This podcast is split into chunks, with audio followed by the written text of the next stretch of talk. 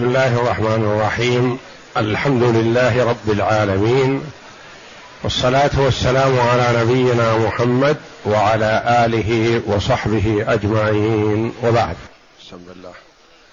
أعوذ بالله من الشيطان الرجيم. بسم الله الرحمن الرحيم. وإذ قال ربك للملائكة إني جاعل في الأرض خليفة. قالوا أتجعل فيها من يفسد فيها ويسفك الدماء ونحن نسبح بحمدك ونقدس لك؟ قال إني أعلم ما لا تعلمون. هذه الآية الكريمة من سورة البقرة جاءت بعد قوله جل وعلا هو الذي خلق لكم ما في الأرض جميعا ثم استوى إلى السماء فسواهن فسواهن سبع سماوات وهو بكل شيء عليم. وإذ قال ربك للملائكة الخطاب للنبي صلى الله عليه وسلم وإذ هذه ظرف زمان قيل للمستقبل وقيل للماضي وقيل إذ وإذا يتناوبان للمستقبل وللماضي. وإذ قال ربك والعامل في إذ هذه فعل مضمر كما مر علينا كثير وسيأتينا. اذكر إذ قال ربك وإذ قال ربك للملائكة الملائكة جمع ملك والها فيه للجمع لتأنيث الجمع. وقيل للمبالغة مثل علامة وفهامة ونسابة تأتي الهاء التاء هذه في المذكر للمبالغة. وإذ قال ربك للملائكة وملائكة وملك وملأك بمعنى رسول ومرسل فسموا ملائكة لأنهم رسل الله جل وعلا إلى عباده.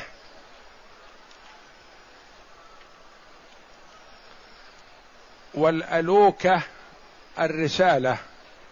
ألوكة رسالة.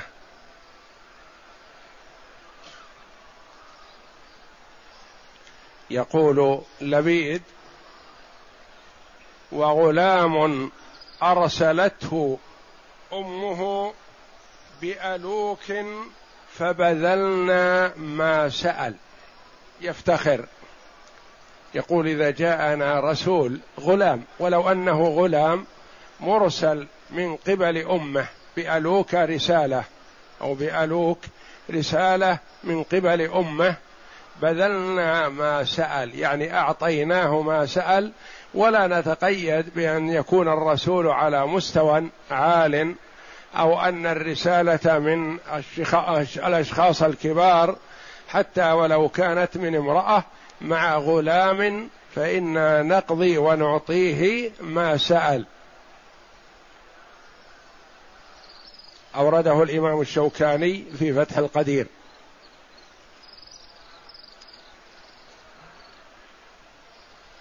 وإذ قال ربك للملائكة إني جاعل في الأرض خليفة.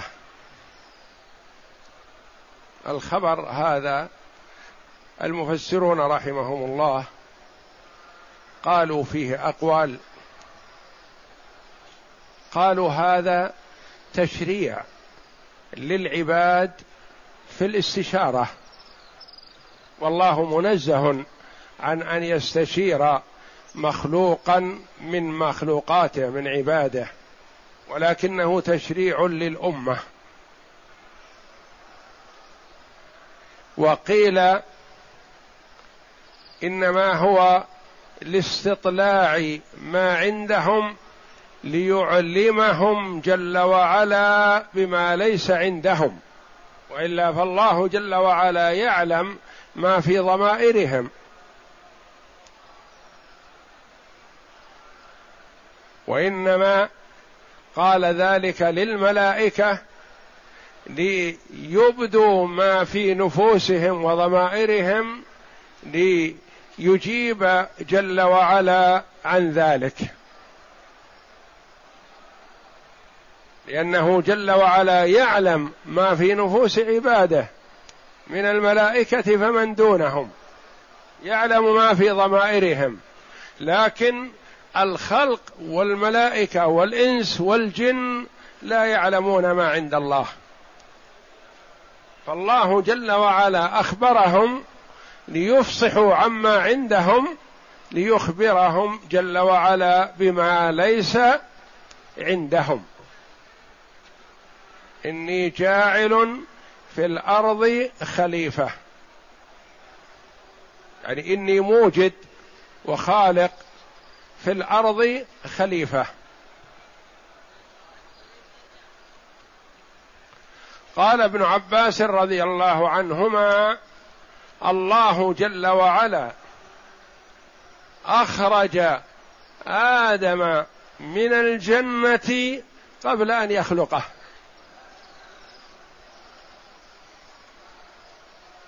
أخرجه من الجنة لأنه عالم بما سيكون جل وعلا قبل أن يخلق آدم. من أين هذا؟ من قوله تعالى إني جاعل في الأرض خليفة. أول ما خلق آدم عليه السلام كان في الجنة.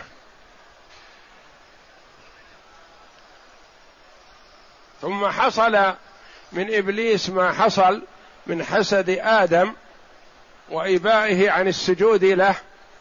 فطرد الله جل وعلا إبليس من الجنة. فوسوس لآدم في المعصية فعصى آدم ربه فغوى كما قال تعالى فأخرج الله آدم من الجنة. قال بعض السلف الله أخرج آدم من الجنة بذنب ونحن نتابع الذنوب بعضها إلى بعض ونطمع في فضل الله. يعني ينبغي للإنسان أن يحاسب نفسه وإلا فلا ييأس. فلا ييأس. إني جاعل في الأرض خليفة يقول ابن عباس أخرج الله آدم من الجنة قبل أن يخلقه. في قوله إني جاعل في الأرض ما قال في الجنة؟ إني جاعل في الأرض خليفة. إني جاعل في الأرض خليفة. كلمة خليفة ما المراد بها؟ قيل خليفة يخلف من قبله. وقيل خليفة بمعنى يتخالف يخلف بعضهم بعض. يخلف من قبله على أن المراد آدم عليه السلام. إني جاعل في الأرض خليفة يخلف من قبله ممن وجد في الأرض من خلق الله تبارك وتعالى. لأنه كما سيأتي جاء أن الله جل وعلا خلق الجان صنف من أصناف الملائكة جعلهم في الأرض قبل أن يخلق آدم بألفي عام. فأفسدوا في الأرض وسفكوا الدماء وعصوا الله فأرسل الله إليهم جل وعلا فريقا من الملائكة فطردوهم في جزائر البحار وأخرجوهم من الأرض. فلذا والله أعلم قالت الملائكة لربها أتجعل فيها من يفسد فيها؟ لأنه وجد من قبل آدم خلق أفسدوا في الأرض وسفكوا الدماء. إني جاعل في الأرض خليفة يخلف من سبق من الخلق الموجودين في الماء في الأرض. أو جاعل في الأرض خليفة يخلف بعضهم بعض يعني يتتابعون ويستمرون. أو جاعل في الأرض خليفة يخلف الله جل وعلا في خلقه يحكم في الخلق في الدنيا في الأرض. قالوا ومن هذا استنتج الملائكة عليهم السلام قولهم أتجعل فيها من يفسد فيها؟ لأن وجود الخليفة والحاكم بأمر الله جل وعلا دليل على وجود التعدي. لأنه لو كان الناس كلهم على قلب رجل واحد ما احتاجوا إلى خليفة ولا إلى حاكم. وإنما الحاكم ليرد الظالم عن ظلمه وينصف المظلوم ممن ظلمه ويقيم للناس شرع الله. ولهذا قال الإمام القرطبي رحمه الله يؤخذ من هذه الآية وجوب نصب الحاكم والخليفة. ما يصلح الناس بدون حاكم ابدا. فقوله جل وعلا إني جاعل في الأرض خليفة قال بعض المفسرين يخلف من سبقه. ويدل هذا على أن كان في الأرض عمار قبل آدم وذريته. وقيل خليفة يخلف بعضهم بعض يعني جاعل في الأرض أناس يتبع بعضهم بعض ويتخالفون. يعني يخلف الأولاد الآباء وهكذا باستمرار. يعني ليس المراد إيجاد خلق يبقون في هذه الأرض بل ابدا لا. بل يذهبون ويأتي غيرهم ويذهبون ويأتي غيرهم. خليفة. وقيل خليفة بمعنى حاكم. إني جاعل في الأرض حاكم يحكم في الأرض. ينفذ ويحكم بأمر الله جل وعلا.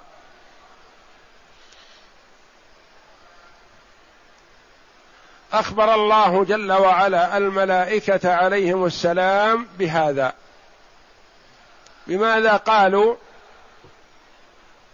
قالوا أتجعل فيها من يفسد فيها ويسفك الدماء؟ قالوا أي الملائكة؟ وهذا استفهام من الرب جل وعلا وليس على سبيل الاعتراض. بل هم عليهم السلام عباد مكرمون. يمتثلون ويأتمرون بأمر الله جل وعلا ولا يعصون الله ما أمرهم طرفة عين والاعتراض معصية وهم لا يعترضون على الله وإنما على سبيل الاستفهام. كيف قالوا هذا؟ هل هو ظن سوء بآدم وذريته؟ يعني قالوا هذا القول قبل أن يوجد آدم وذريته. وهم عليهم السلام يحسنون الظن. وإساءة الظن طبع الشرير. والأشرار هم الذين يسيئون الظن بالناس. وإلا فالملائكة عليهم السلام أخيار يحسنون الظن بعباد الله. ويقولون ما يعلمون من الخير. ولذا قالوا قال العلماء الذي يذكر الخير ويتغاضى عن الشر فيه من صفات الملائكة عليهم السلام. لأنه جاء في الحديث الصحيح أنه قال عليه الصلاة والسلام يتعاقبون فيكم ملائكة بالليل وملائكة بالنهار ويشهدون صلاة العصر وصلاة الفجر. فيصعد الذين باتوا فيكم فيسألهم ربهم وهو أعلم كيف تركتم عبادي؟ يقولون عليهم الصلاة والسلام أتيناهم وهم يصلون. وتركناهم وهم يصلون. أتيناهم وهم يصلون العصر. وتركناهم ارتفعنا وانتهت مهمتنا عندهم وهم يصلون الفجر. وكذلك الآخرون يقولون أتيناهم وهم يصلون وتركناهم وهم يصلون. فيأتون يحضرون صلاة الفجر ملائكة النهار ويحضرون صلاة العصر ويصعدون. وملائكة الليل يحضرون صلاة العصر ويستلمون ثم يصعدون بعد صلاة الفجر. فالملائكة عليهم الصلاة والسلام يذكرون المحاسن مع ما يشاهدونه من مساوي بني آدم فهم لا يذكرون إلا الخير. وكذلك المؤمن الذي يذكر الخير ويتغاضى عن الشر فيه صفة من صفات الملائكة. والذي يذكر الشر ويتغاضى ويدفن ويتناسى الخير فيه صفة من صفات الشياطين. فحري بالمؤمن أن يكون محسنا الظن بالمسلم ولا يتهمه بما لا يعلم منه حتى لو علم منه شيئا من السوء يحمله على الخير. وقد جاء أنه ينبغي للمؤمن أن يحمل أخاه على الخير حتى لو لم يجد له محملا في الخير إلا واحد في المئة. يعني إذا كان يحتمل الشر تسعة وتسعين ويحتمل واحد بالمئة الخير فيحمله على الخير ولا يحمله على الشر. والمؤمن ينصح ويستر. ما يذكر الشر. ينصح ويستر. والمنافق يفضح يفرح بالسيئه إذا اطلع عليها ينشرها. ويتحدث في مجالس الناس فلان عمل كذا وجدت فلان عمل كذا علمت أن فلان عمل كذا. وهكذا يحاول الفضيحة. والمؤمن إذا اطلع على شر أو سيء ستره. ولا يترك أخاه المسلم بل ينصحه. يناصحه ويستر عليه. يستر وينصح. والمنافق والعياذ بالله يفضح. لما إذا قال الملائكة عليهم السلام أتجعل فيها من يفسد فيها ويسفك الدماء؟ ما وجدوا إلى الآن وما عملوا شيء. قيل والله أعلم أنهم عرفوا أن سكان الأرض يحصل منهم شيء من هذا. لأنها سكنت قبل آدم وأقام فيها من أقام فأفسدوا وسفكوا الدماء الجان.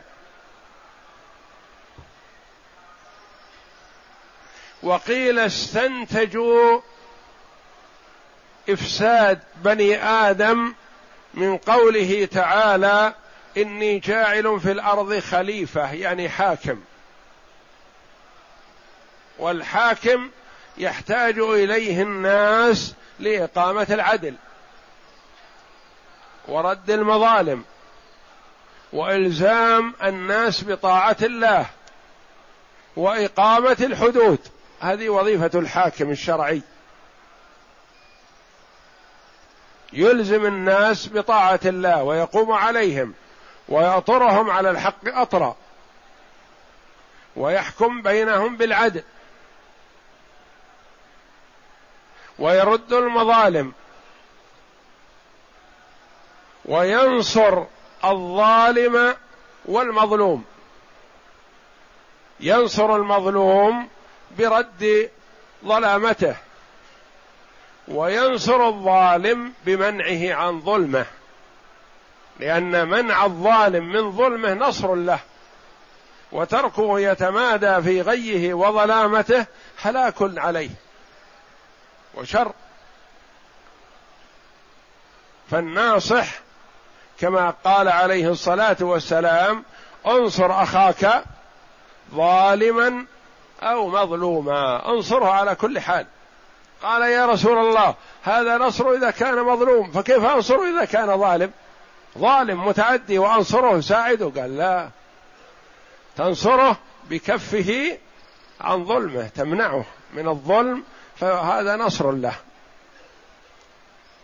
فكأن الملائكة عليهم السلام استنتجوا من قوله تعالى إني جاعل في الأرض خليفة يعني حاكم يحكم بين الناس بأن الناس لا يحتاجون إلى الحكم إلا إذا كان فيهم جور وظلم وسفك دماء وإفساد في الأرض. أن هذه مهمة الحاكم رد الناس عن هذه الأمور السيئة. قالوا أتجعل فيها سؤال استطلاع واستعلام لا اعتراض. أتجعل فيها من يفسد فيها ويسفك الدماء. وأخذ من هذا أن الإفساد في الأرض جريمة. وأن الله جل وعلا لم يخلق الخلق لهذا ولم يخلق الأرض لهذا وإنما خلقها لطاعته ما خلقها للإفساد في الأرض. ما خلق الأرض ليفسد فيها الناس.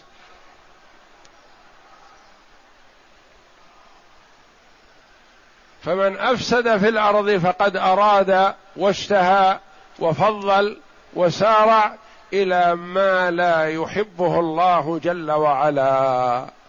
أتجعل فيها من يفسد فيها ويسفك السفك الإراقة. ولا يطلق هذا إلا على الدم. ما يقال سفك الماء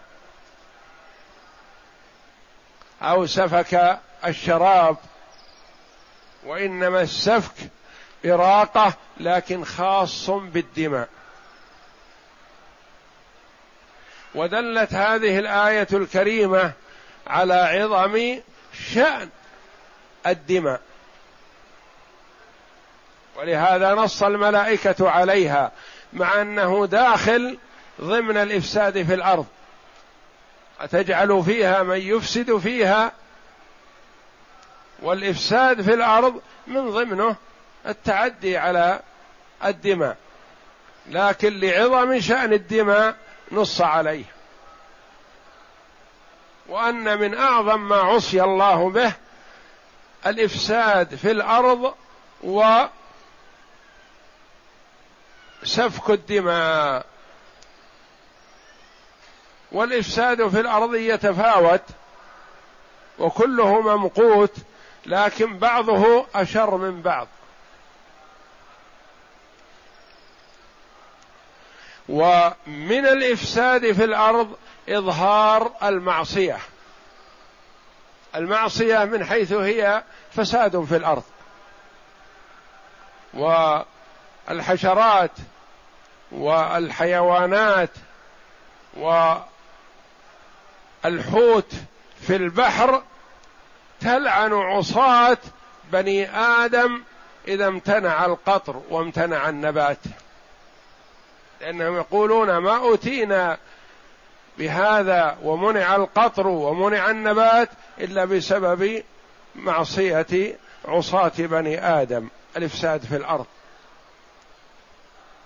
والمعصية من حيث هي إفساد في الأرض إلا أنها إذا ظهرت فهي أشنع وأشد.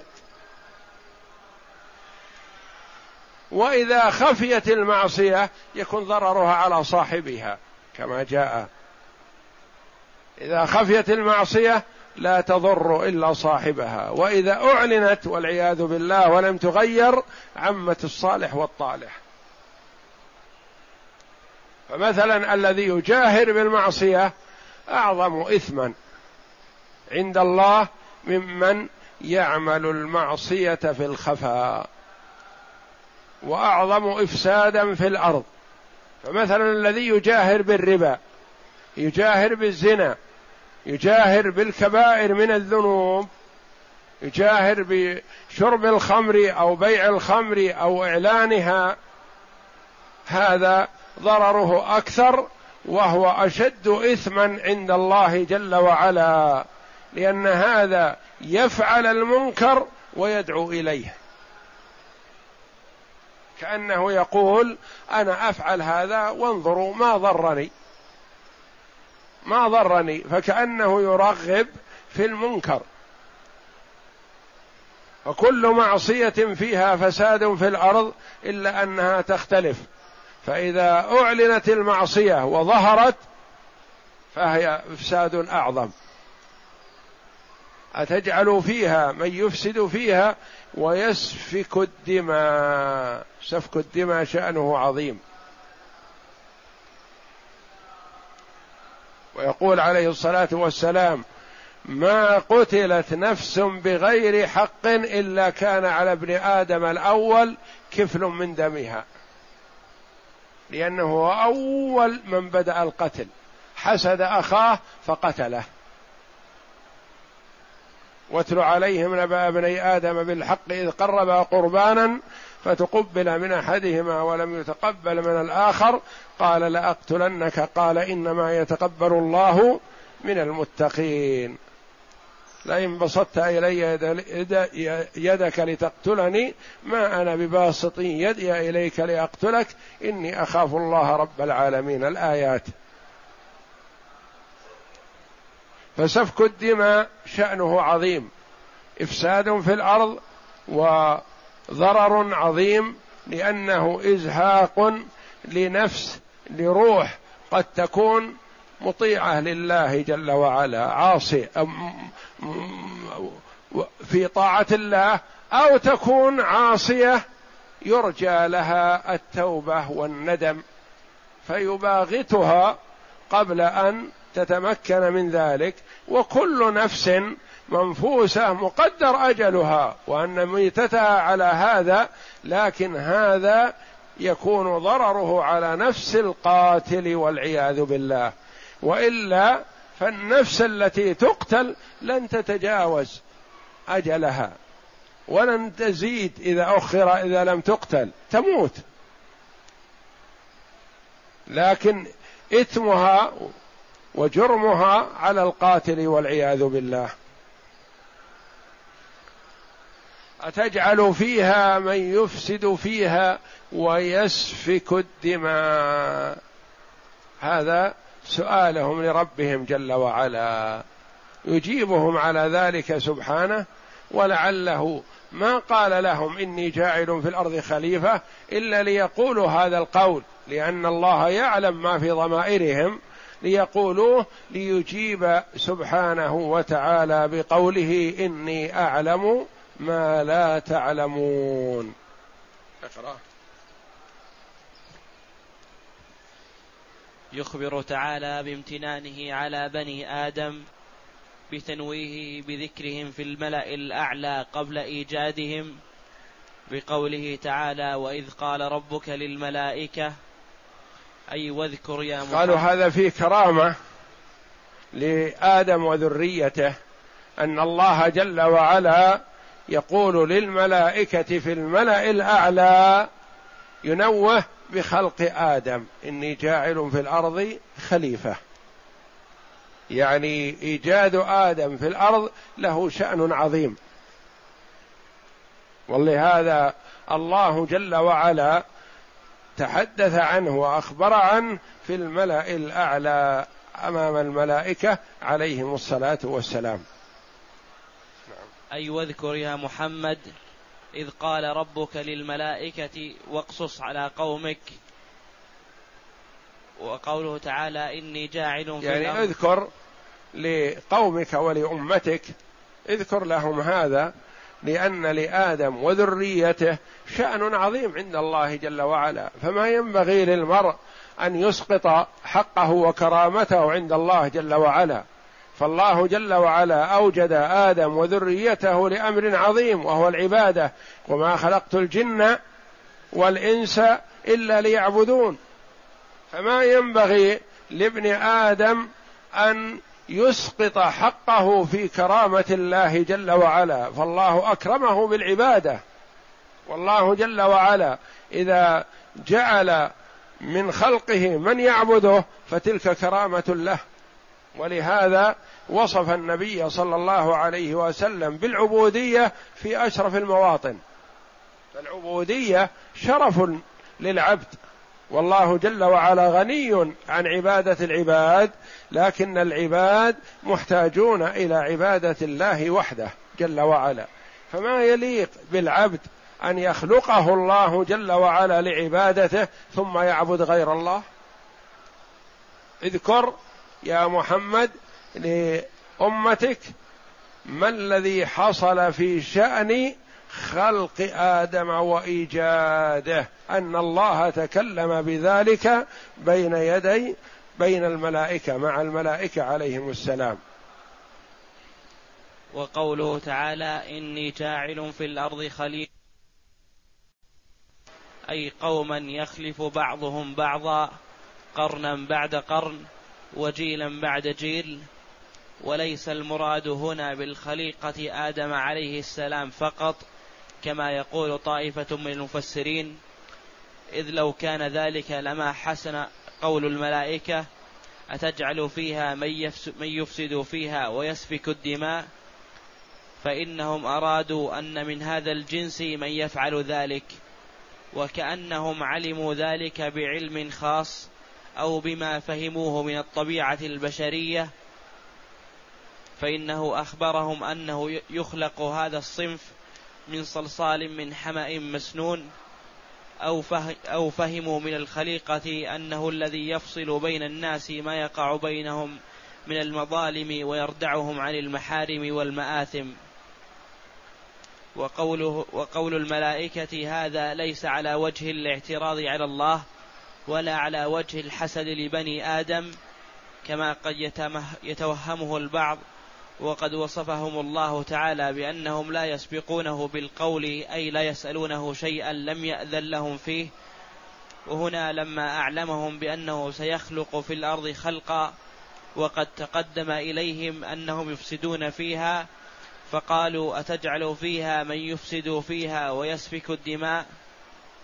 الآية وإنما هو سؤال استعلام واستكشاف عن الحكمة في ذلك يقولون يا ربنا ما الحكمة في خلق هؤلاء مع أنهم مع أن منهم من يفسد في الأرض ويسفك الدماء؟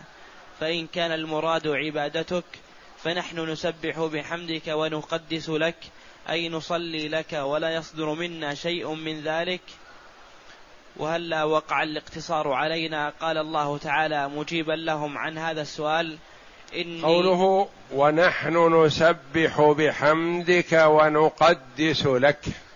أي الملائكة عليهم السلام قالوا أتجعل فيها من يفسد فيها ويسفك الدماء؟ ونحن يا ربنا نسبح بحمدك ونقدس لك. نحن نسبحك والتسبيح التنزيه والتبعيد عن السوء والمكروه. يعني ننزهك ونعظمك ونصلي لك.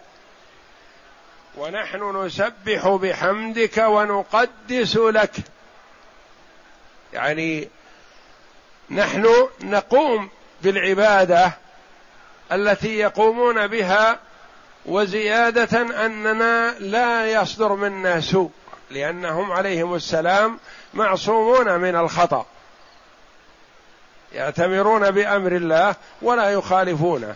وهم عباد مكرمون كما وصفهم الله جل وعلا بقوله لا يسبقونه بالأمر وهم بأمره يعملون. فهم يعملون بأمر الله ولا يزيدون ولا ينقصون عما أمرهم الله جل وعلا به.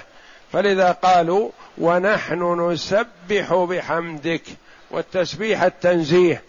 ونحن نسبح بحمدك ونقدس لك والتقديس التطهير. يعني نبعد عن أن نصفك بصفات لا تليق بجلالك.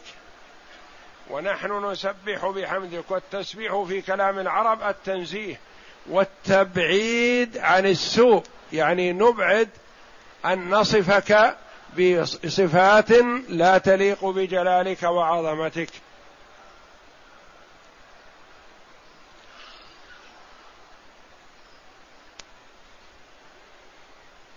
قال إني أعلم ما لا تعلمون. قال جل وعلا إجابة لقول الملائكة أتجعل فيها من يفسد فيها أعلم ما لا تعلمون. دل هذا على سعة وعظمة علم الله جل وعلا وأن الله جل وعلا أحاط بكل شيء علما وأن الملائكة عندهم من العلم الشيء الكثير ومع ذلك ومع هذا لا يحيطون بعلم الله. ويعلم الله جل وعلا ما لا يعلمون. وهنا أعلم ما لا تعلمون ما حدد هذا المعلوم دلالة على التعظيم والسعة وأن علم الله جل وعلا لا يحاط به أبدا. قال إني أعلم ما لا تعلمون. قال المفسرون رحمهم الله هذا العلم الذي نوه الله جل وعلا عنه أنه قد يوجد الشيء الذي فيه شر لكن فيه مصالح وفيه خير. الله جل وعلا قد يوجد الشر وهو سفك الدماء والإفساد في الأرض مثلا لكن هذا يترتب عليه خير عظيم الله جل وعلا يريده. فمثل خلق إبليس لعنه الله ليس بشر محض. فيه شر لكن ليس فيه شر محض. لأن الله جل وعلا منزه عن أن يخلق الشر الذي هو شر محض. وإنما قد يوجد الشر مثلا لكن فيه خير أعظم. على سبيل المثال مثلا ينزل الله جل وعلا الرحمة المطر. رحمة للعباد. ومعروف أنه رحمة ونعمة وفضل وإحسان. لكن ألا يحصل به ضرر على بعض الناس؟ هذا يسقط بيته وهذا تفسد بضاعته وهذا يكون عنده سكر يذوب من المطر وهذا كذا وهذا كذا. فهذا ليس بشر بل هو رحمة. لكن كل رحمة قد يكون فيها شيء ما. ومثل ذلك خلق إبليس. خلق إبليس فيه شر لكن فيه خير. أراده الله جل وعلا. لولا خلق إبليس مثلا ما قام علم الجهاد. لولا خلق إبليس ما وجد الحب في الله والبغض في الله. لولا خلق إبليس ما وجد الأمر بالمعروف والنهي عن المنكر. لولا خلق إبليس ما وجد من يعصي الله فيستغفر فيغفر الله له. فيه مصالح عظيمة أمور كثيرة. ولذا قال الله جل وعلا إني أعلم ما لا تعلمون. قد أوجد الشيء الذي تظنونه أن فيه شر وفيه خير عظيم. إني أعلم ما لا تعلمون. اقرأ.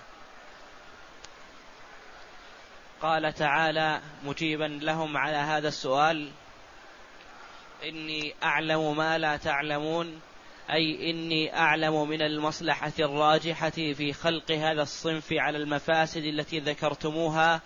ما لا تعلمون أنتم فإني سأجعل فيهم الأنبياء واصل فيهم الرسل ويوجد منهم الصديقون الصديقون والشهداء والصالحون والعباد والزهاد والأولياء والأبرار والمقربون والعلماء والعاملون والخاشعون والمحبون له تبارك وتعالى المتبعون رسله صلوات الله عليهم. وقيل معنى قوله تعالى إني أعلم ما لا تعلمون أي إن لي حكمة مفصلة في خلق هؤلاء والحالة ما ذكرتم لا تعلمونها. وقيل إنه جواب لقوله تعالى ونحن نسبح بحمدك ونقدس لك فقال إني أعلم ما لا تعلمون أي من وجود إبليس بينكم وليس هو كما وصفتم أنفسكم به. وقيل بل تضمن قولهم أتجعل فيها من يفسد فيها ويسفك الدماء ونحن نسبح بحمدك ونقدس لك طلبا منهم أن يسكنوا الأرض بدل بني آدم. فقال الله تعالى لهم إني أعلم ما لا تعلمون. وعن ابن عباس رضي الله عنهما قال إن الله أخرج آدم من الجنة قبل أن يخلقه ثم قرأ قوله تعالى إني جاعل في الأرض خليفة. وأخرج الحاكم وصححه عنه أيضا عن ابن عباس رضي الله عنهما وزاد وقد كان فيها قبل أن يخلق آدم بألفي عام الجن بنو الجان فأفسدوا في الأرض وسفكوا الدماء. فلما أفسدوا في الأرض بعث الله إليهم جنودا من الملائكة فضربوهم حتى ألحقوهم بجزائر البحار.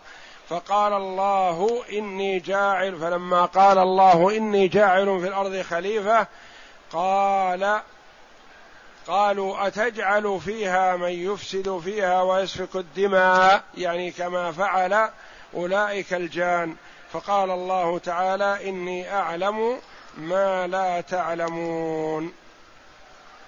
وجاء عن ابن مسعود رضي الله عنه وعن ناس من الصحابة رضي الله عنهم قال قال لما فرغ الله من خلق ما أحب استوى على العرش.